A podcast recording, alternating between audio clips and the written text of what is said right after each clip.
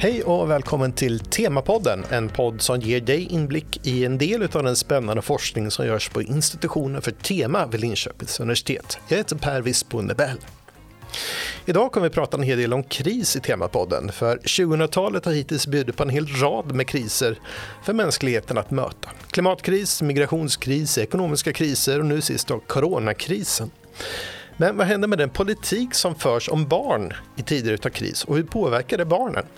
Ja, forskarna Jonathan Josefsson och Joel Löv har båda tittat på olika aspekter av barns rättigheter och hur dessa rättigheter har påverkats av händelser i vår omvärld. Välkommen till Temapodden båda två. Tack så mycket. Tackar. Jonathan, du har ju forskat i många år om barnpolitik och mycket plats som barnen får i den politiska agendan. Till att börja med, vad är barnpolitik?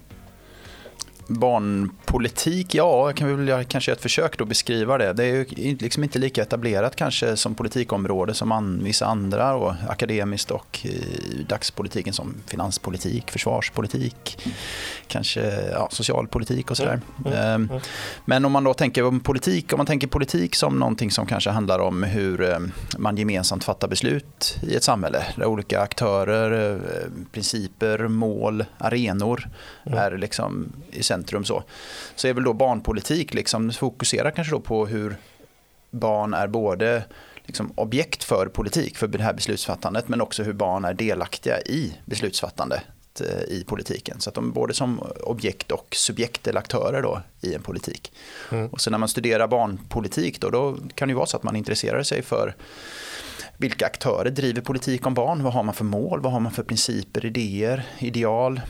Um, och, så där. och hur används barn som kanske retoriska figurer och på vilket sätt är barn föremål för politik. Men sen också då hur barn är själva aktiva i politik och då är de ju ofta det på kanske andra arenor än de traditionellt eh, politiska institutionerna som i parlament och regering, riksdag. Så mm. Varför är det ett område som har fascinerat dig? Eh, jag tror därför att det, finns, har funnits så relativt lite gjort om det liksom inom statsvetenskapen är en grej. Eh, alltså, första är väl att barn, liksom, unga i, i Sverige är de 20-30 procent och i flera delar av världen är de upp till 50 procent. Mm. Men trots det har liksom studiet, alltså, de utgör en stor del av, av mänskligheten som är föremål för politik. Men trots det har statsvetenskapen liksom marginaliserat det området eh, mycket. Både i teori och i, i empirisk forskning. Så. så det tror jag har gjort mig intresserad av det. Plus då en rad liksom samhällsförändringar och samhällsdebatter som pågår om kanske migration mm. eller klimat eller så där barn och unga är, är centrala. Liksom. Men det intressant är varför man struntat i att forska i, om, om barn och deras eh, plats på den politiska agendan då så pass lång tid. Man skriver 2020 och man har ju forskat om, om eh, andra grupper i samhället mm. jättelänge. Ja, men det, det, är en bra fråga. Det har gått i lite perioder också. Så att det, mm. det har ju funnits liksom, i takt med säga, så här, medborgarrättsrörelsen säger vi så här, på, eller på 60-talet då, när det fanns så mycket så där, Då var ju även barn och unga i lite större fokus och sen försvann det bort ett tag. Mm. Eh, för forskare ser man om man kollar på liksom, publikationer tillbaka. Så där. Eh, och sen har det ju funnits i och med jag menar det finns ju i barndomsfältet, barndomsforskningsfältet som de sista tre decennierna i alla fall har liksom utvecklats rätt starkt. Mm. Ehm, så har det varit föremål och intresse för, för studier i politik också. Men då har det inte varit så mycket statsvetare där utan det har varit mer kanske antropologer, sociologer, historiker och sådär. Mm. Och inom statsvetenskapen, ja det har ju massa förklaringar tror jag. Institutionella förklaringar och traditionellt fokus. Precis som eh, alltså, intresse för minoriteter eller feminism eller så liksom, tog ett tag innan det också kom in mm. eh, i fältet ordentligt och, mm. och sådär. Så att, eh, men man kan ju se att det finns ju forskare som har och idag intresserar sig för det. Ja. Barnpol barnpolitiken år 2020, hur eh, är det med barnens plats på den politiska agendan? Ja, det, var en svår fråga. Ja, jag vet. Nej, men det finns ju både, kanske man kan studera det i Sverige då, ja. Eh, och liksom i Europa, men också internationellt och globalt. Det har ju så många dimensioner. Mm. Så att man får nog, eh, men eh, kriser som då är ett tema här nu då, mm. idag, där kan, det är ju ett sätt att studera barnpolitik. Mm. Just hur hanterar vi kriser och vilken politik gör vi för barn och på vilket sätt är barn aktiva i politik i tider av kris. Mm. Det är ju ett sätt att greppa den frågan och avgränsa den kanske. Mm. Ja, men, eh, det var ju det, liksom det som är temat på dagens avsnitt av barnpolitik i tider av kris. Vad händer med barnpolitiken när eh, vi måste, står inför en kris, exempelvis coronakrisen nu då? Um, ja, i vissa fall tycker jag att barn har, får ju då kanske, som tar Sverige då, uh, det här ser ju ganska olika ut i olika länder kan vi se. Mm.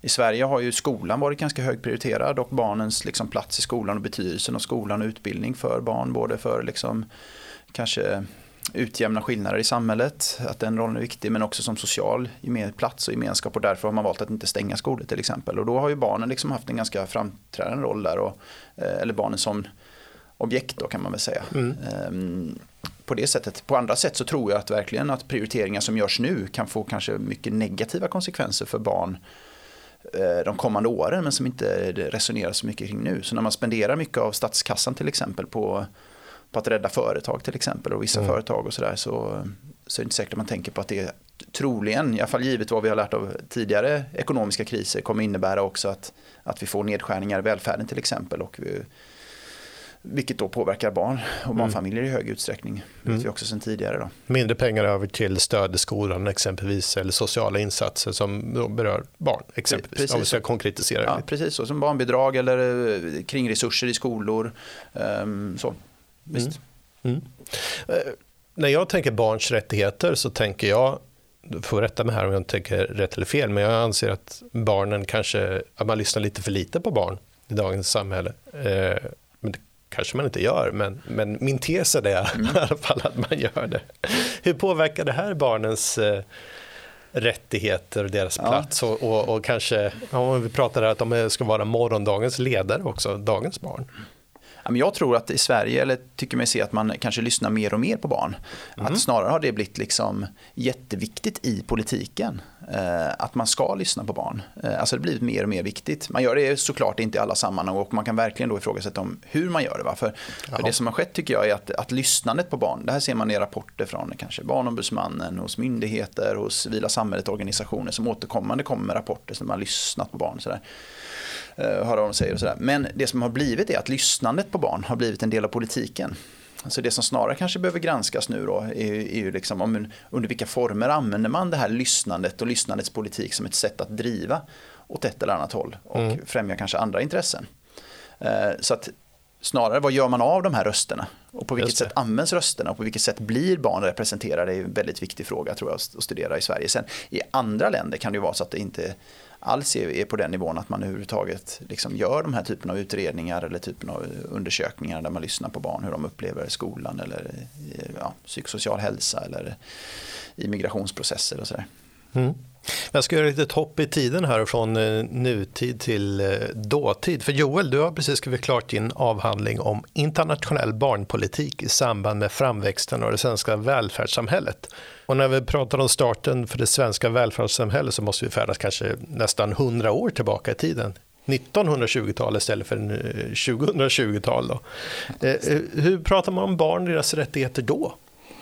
Nej, men det, jag har ju tittat på 20 och 1920 och 1930-talet och det var ju en period när den svenska liksom välfärdsstaten var i sin linda. Så där, att, mm. att det var på väg att växa fram någonting. Och det handlar ju liksom om, för det första så handlar det om att, barn som framtidens eh, medborgare. Liksom. Hur ska vi bygga upp ett, ett Sverige då som, mm. som, som blir livskraftigt och hållbart. Men, men men, och då började man ju organisera barns välfärd eh, på ett, försöka enhetliggöra det så att alla barn i Sverige växte upp ungefär liknande villkor. Då behövdes ju den svenska staten, så det statliga ansvaret växte ju successivt fram då och så sen så blev det så småningom det vi kallar den svenska välfärdsstaten. Mm. Eh, och, och, det jag tittar på är ju är ju då hur Sverige stod, dels tog intryck av andra länder men också eh, hur man arbetar internationellt. Och det här, ofta pratar vi om den svenska välfärdsstaten som, som någonting ganska säreget. Mm. Men det här var ju någonting som pågick i flera länder parallellt och ett, med ett ganska gediget internationellt utbyte för att, för att föra de här frågorna kring, kring hur barns välfärd och barns rättigheter eh, skulle organiseras och vad barn behövde. Så, så det, var, det var inte särskilt unikt? Eller? Nej, det var absolut inte unikt för, för Sverige. Att, och speciellt det här med att staten verkligen behövdes för att främja barnens välfärd. Det var definitivt inte unikt från Sverige utan man tittade väldigt, väldigt mycket på, på andra länder. Mm. Hur är det här ämnet relevant idag, hundra år senare? Ja, men det, det är i allra högsta grad relevant och speciellt om vi, om vi tänker om tider om kris då, som, vi, mm. som vi befinner oss i nu då, om vi skulle säga coronakrisen eller, eller andra kriser för den delen. Men, mm. Men 1920-talet var ju en period när det internationella samarbetet verkligen frodades och, och de första stora internationella organisationerna för barns välfärd och barns rättigheter eh, eh, skapades helt enkelt. Och det kom ju ur 1920-talet eh, var ju liksom efterspelet av första världskriget mm. som var mm. givetvis en jättestor kris med, som, som påverkade barn och familjer. Och allt. Allt, mm. eh, precis. Eh, och där och då fanns det ju liksom man, eh, istället för att kriga och bråka mellan stater så, så, så, så väcktes ju en optimism att vänta nu har vi lämnat det här bakom oss, nu ska vi nu ska vi samarbeta internationellt för, för att lösa de här frågorna. Mm. Eh, sedan kom ju 1930-talet och som började, liksom tröskeln till 1930-talet var ju liksom en ekonomisk kris. Börskraschen i New York B precis, 29 och sådär. Börskraschen i New York 29. Och, och sedan sedermera liksom framväxten av eh, auktoritära stater, diktaturer och, mm. och, och Hitler tog makten i, i Tyskland och sådär. Så, och de kriserna, eller den krisen, ekonomiska krisen då kanske främst, gav, gav ju liksom, eh, ja men det underbyggde just den utvecklingen.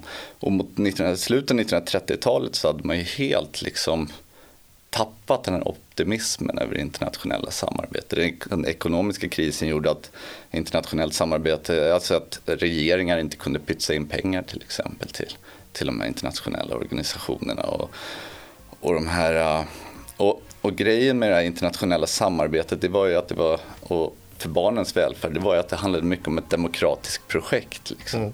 Så helt plötsligt står demokrati mot diktatur och då liksom ja, då, det främjade inte internationella utbytet och samarbetet. Och där kan vi se idag när, när vi ser de här auktoritära liksom, staterna runt om i världen och och, och den här oviljan att pytsa in pengar till, eh, till internationellt samarbete som vi ser till exempel mm. från Trump-administrationen. Där finns det ju många, liksom, även om det är två helt olika kontexter, så finns det ganska många paralleller att dra.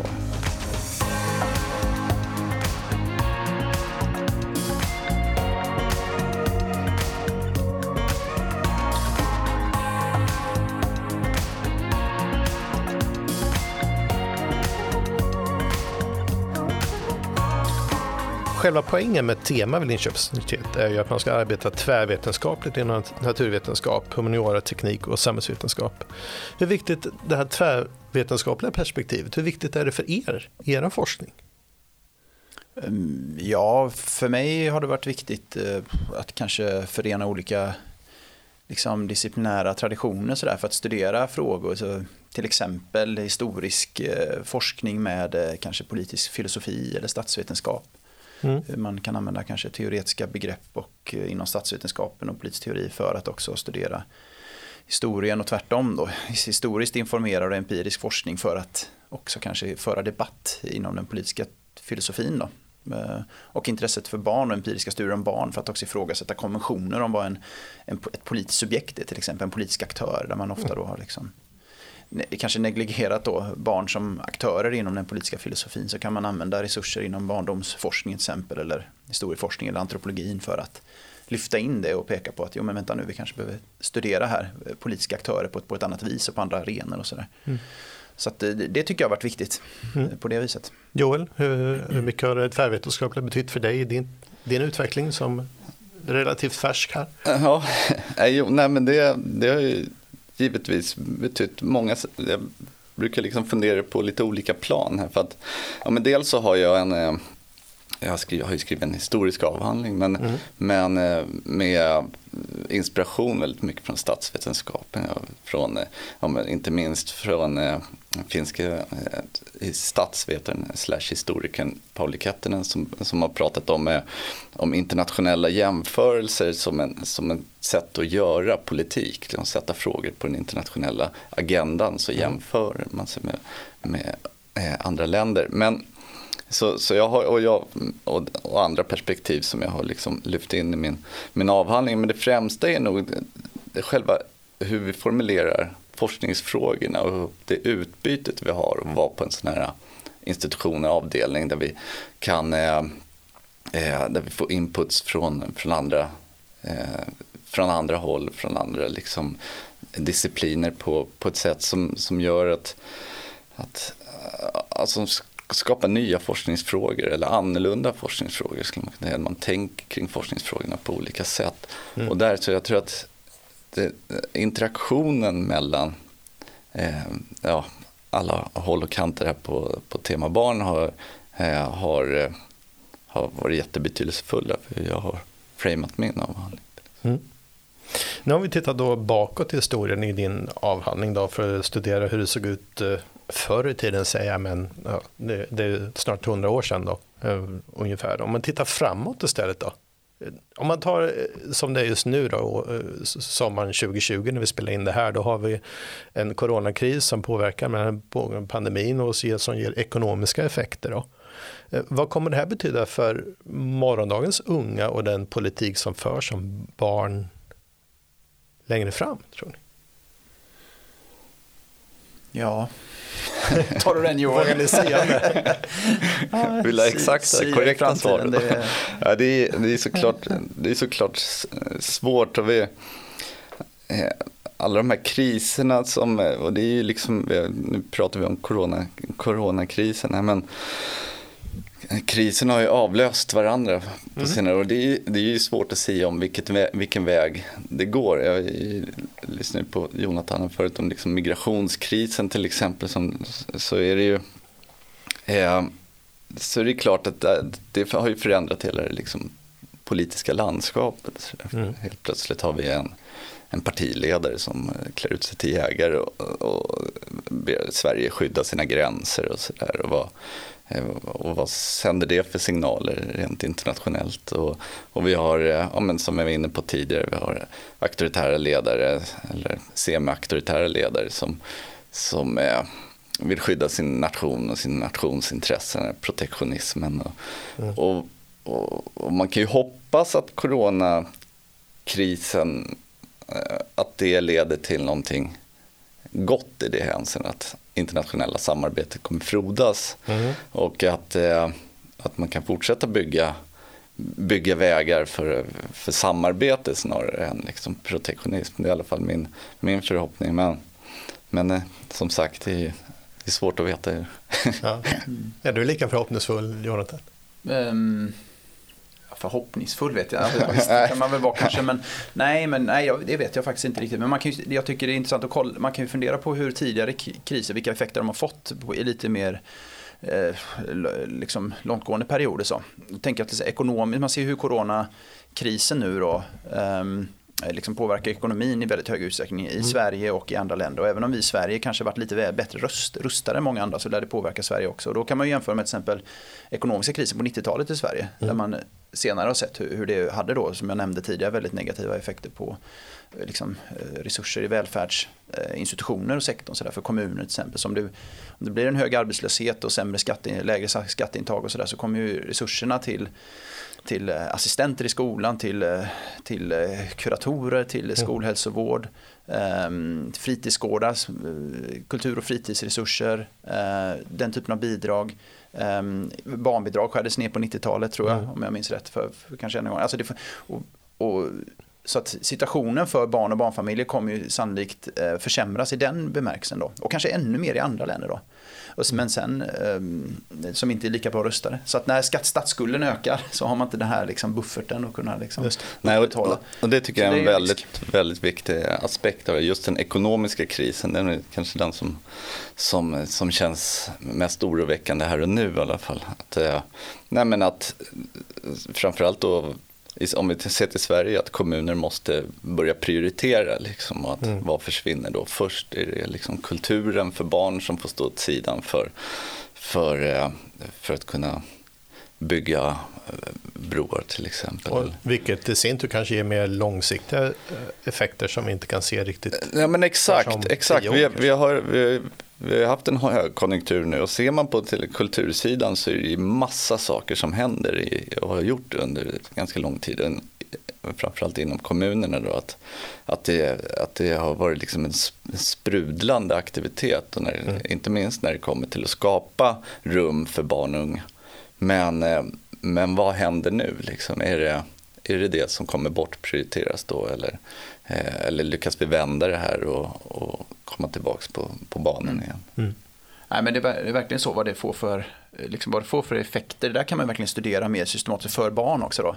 En liten sån sidogrej också, eller sid är en ganska central grej. Jag menar många föreningar till exempel där barn spenderar mycket fritid har ju fått sämre ekonomi nu mm. i kölvattnet corona. Då kanske inte än så länge på grund av minskade kommunala bidrag, vilket kan bli fallet senare ju möjligen som du antyder där. Men, men däremot för att man inte kan hålla kupper och sånt som, som ger mycket intäkter. Va? Ja. Och då istället kan jag se på närmare håll liksom hur man då, ja, då får man istället, barnen får ju sälja mer då.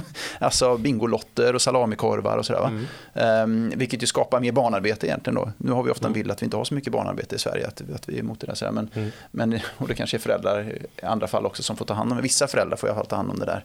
Mm. Um, säljandet av bingolotter. Mer... Men, men det blir en sån effekt menar jag. Mm. Ja, men barn blir, kommer ut på en marknad istället där föreningar får, får förse sig själva istället för att kommunen då kan förse med resurser för att man har lägre skatteintäkter sådär i, i en begränsad så. Men sen tycker en annan aspekt som du säger också säger Joel som jag tycker är jätteviktig det är ju liksom vad ska, ett, vad ska vi ha resurser, begränsade resurser eh, i samhället till? Och där har ju också, tycker jag, att det finns en amerikansk statsvetare, Bonnie Honig heter hon. Um, som just har skrivit om emergency politics då och, och studerat och, och ser ju då liksom, hon argumenterar väldigt kort för, för vikten av att eh, vi måste upprätthålla de här eh, liksom länkarna och, och kultivera medborgarna eh, för att också kunna ha en, en, liksom en, en rimlig, för att upprätthålla en, en, en politik som är, är rimlig på något sätt. För att om vi bara reducerar, för det är det som är risken med, med i kristider och kris, att vi bara reducerar politiken och resurserna till att upprätthålla liv eller att upprätthålla sjukvård eller de här livsnödvändigheterna. Men att vi då skär ner på, det ser vi i debatten i Sverige också, på kultur till exempel eller, eller skolresurser eller sånt som faktiskt också kultiverar ett samhälle. Och då menar hon att liksom för att vi ska kunna ha en fungerande politik måste vi också kultivera medborgarna, precis som det var på 30-talet också, liksom ett behov. Man ser det, vi måste fostra demokratiska medborgare. Och det är väl den risken man kan se också då. Om vi bara mm. reducerar våra statsutgifter och kommunala utgifter till det här liksom, det hon kallar mer life, eh, liksom livsnödvändigheterna. Ja, vad tappar vi då? Vad är det för samhälle vi får? Eh, så det, det, är ju en lärdom och kanske en risk då mm. eh, med kris. Eh, så. Eh, så. och coronakrisen. Men sen tycker jag det är jätteviktigt att fundera och intressant att tänka kring i relation till andra kriser också hur hur präglar eh, krisstämpeln vårt tänkande och de politiska möjligheter och begränsningar som vi får? För det, det blir ju en ny spelplan när det kommer en kris. Det är ofta det som kännetecknar en kris. Alltså sådana åtgärder och politiska beslut som inte var möjliga innan blir möjliga. Det är liksom en, någon typ av ex, det är liksom ett undantagstillstånd på något sätt som, som kan permanentas. Mm.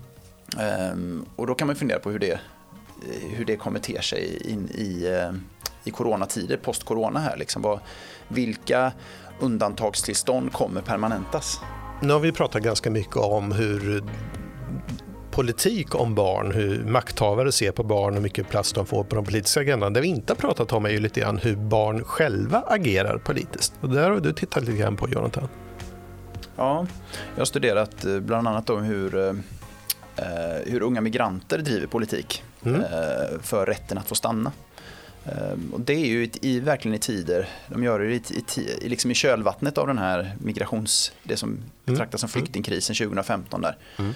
Ehm, och då är, sker det, och det här tycker jag är en jätteviktig aspekt du lyfter här. För, att, för det är så ofta vi tänker barn som objekt för politik, men vi glömmer ofta av att studera och kanske tänka kring barn som, som politiska aktörer, för då måste vi tänka lite mer kreativt och nytt här nämligen. Vi kan inte mm. bara studera parlamentsdebatter, vi kan inte bara studera kanske debattinlägg på, på DN eller, eller partiprogram, för att eh, barn och unga, och särskilt då i det här fallet icke-medborgare då, som, mm. som är både un, underåriga i den bemärkelsen och, och icke-medborgare, de driver sin politik snarare på, på gator då, mm. torg, och, i sociala medier. Och då ser jag, det jag ser framför mig bilden då, det är Greta Thunberg ja. utanför Rosenbad. Mm.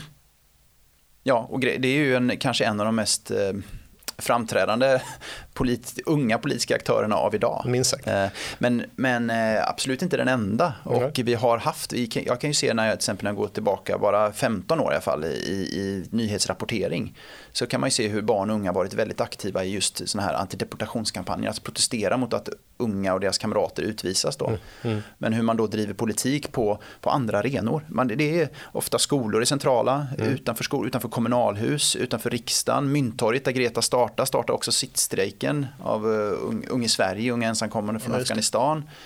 Uh, och så det är en annan typ av politiska repertoarer, man använder, protestrepertoarer man använder sig av mm. än vad de politiska partierna använder sig av eller andra intresseorganisationer. Eh, så man hittar nya arenor för att kunna formulera nya budskap och kunna liksom ta politisk aktion så, eller göra politiskt agerande och handlande på ett annat sätt. Och där finns ju massor att, att undersöka. Och Gret, ja, det, det, är ju intressant också att jämföra klimatkrisen här också, mm. som ju faktiskt på något sätt har drivits fram. Alltså bilden av att klimatförändringarna är en kris har ju drivits mycket av en yngre generation.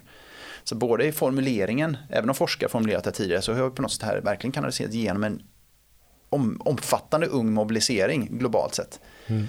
Um, och där man på något sätt har liksom att det blivit nästan som en den bemärkelsen en kanske en decentralisering, en demokratisering genom decentralisering av makt och, och liksom en pluralisering av, av maktcentra och där, där mm. de här liksom traditionella staterna eh, har ifrågasatts och deras agerande och de tvingas agera mot den här unga mobiliseringen som sker. Mm. Eh, så även om de unga då inte har, eh, får tillgång till beslutsrummen ännu, Eh, utan det är oftast då liksom, men däremot rör de sig i den offentliga sfären på ett så påtagligt sätt att, att eh, makthavare tvingas lyssna och ministrar har tvingats avgå och så vidare. Så att det påverkar politiken i högsta grad. De tar plats ändå? På den politiska agendan ja. oavsett om de inte blir insläppta. Ja, och, ja och, och, och, det visar sig också då att det är inte bara det som utspelar sig i parlamenten såklart eh, mm. som spelar roll eller, eller i partistrukturerna och sådär utan den, här, den offentliga sfären är ju jätteviktig då eh, och olika delar av den offentliga sfären för, att, för barn och unga att göra eh, politik och utöva påtryckningar. Precis som det varit för många andra minoritetsgrupper i, i historien. Så. Mm. Så att, men, det, men där finns mycket att, att studera och, och, tänka kring tror jag. För att det, det där är i högsta grad politik. Politiken är på de här torgen. Mm. Eh, så. Men, men så det där, ja. Vi får inte glömma bort sociala medier också, hur, vilken oh. enorm kraft det liksom betyder för, för, för ja, men för att skapa sig ett rum för att kunna göra både långsiktiga och snabba förändringar. Senaste exemplet, exemplet som jag tänker på är väl liksom det TikTok-användandet för att, för att liksom, I kuppen mot, kuppen Trumps mot valmöte. Donald Trumps mm. valmöte. Och sen, men, eh, Superbra exempel tycker jag. Ja, det är ett jättebra på exempel. En strategi liksom som man kanske inte Nej, men visst, som politisk. Det, nej, att, men det finns otroligt många, många exempel på det där som, som, är, som är intressanta att ta i beaktande när det kommer till barns aktörskap i politik. Det känns som att ni har ett, eh, väldigt mycket uppslag på framtida forskning framför mm. er. När det gäller... Mer TikTok-studier, det ja, politik och TikTok. Kul att ni vill komma hit idag till Temapodden och, och prata om detta. Tack så mycket Jonathan Josefsson, biträdande universitetslektor vid Tema Barn och Joel Löv, universitetsadjunkt vid Tema Barn för att ni var med av detta avsnitt av Temapodden. Tack så mycket. Tackar. Och stort tack till dig som har lyssnat. Har du synpunkter och tankar kring det du precis har hört så kan du mejla dem till temapodden liu.se. Och vill du veta mer om Jonathan och Joels forskning så finns det länkar till den i beskrivningen till det här avsnittet. Och vill du kanske lyssna på fler poddar från Linköpings universitet så finns det ett gäng att lyssna på på adressen li.se podcast. Och om du gillar det du precis har hört så skulle vi uppskatta om du går in på iTunes och betygsätter Temapodden. För då kanske fler lyssnare får chansen att upptäcka denna podd. Jag heter Per Wisman och vi är snart tillbaka med fler avsnitt.